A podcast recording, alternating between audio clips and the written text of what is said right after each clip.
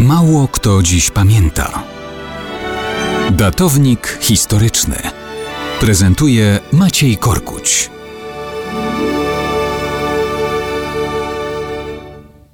Mało kto w Polsce pamięta, że 4 stycznia to święto niepodległości kraju silnych jeźdźców. Tak bowiem należy tłumaczyć nazwę Mianma. Nazwa oficjalna państwa brzmi Republika Związku Mianma. Wiele osób zastanawia się zapewne, cóż to za kraj, o którym nikt nigdy nie słyszał. Może jakaś mikroskopijna republika gdzieś w Afryce?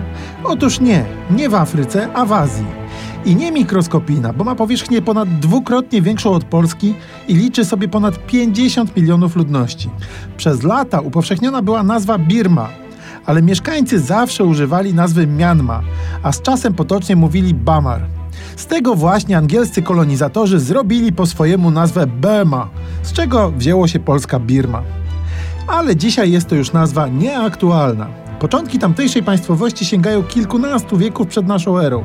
Gdzieś w połowie pierwszego tysiąclecia naszej ery zaczął się tam rozprzestrzeniać buddyzm, przez wieki powstawały i upadały różne królestwa. Były podziały, wojny i jednoczenie kraju. Walki z Chińczykami, Tajami, w końcu z Brytyjczykami, którzy ostatecznie kraj podbili i włączyli do kolonialnego obszaru Indii w drugiej połowie XIX wieku. W czasie II wojny światowej Birmę okupowali Japończycy, którzy stworzyli tam marionetkowy rząd z własną armią. Jej przywódca w końcu wojny przeszedł na stronę aliantów. Uderzył na Japończyków i samodzielnie wyzwolił kraj. W ten sposób pokrzyżował brytyjskie plany odbudowania kolonii. Mimo podejmowanych prób, Londyn musiał zgodzić się na ogłoszenie niepodległości.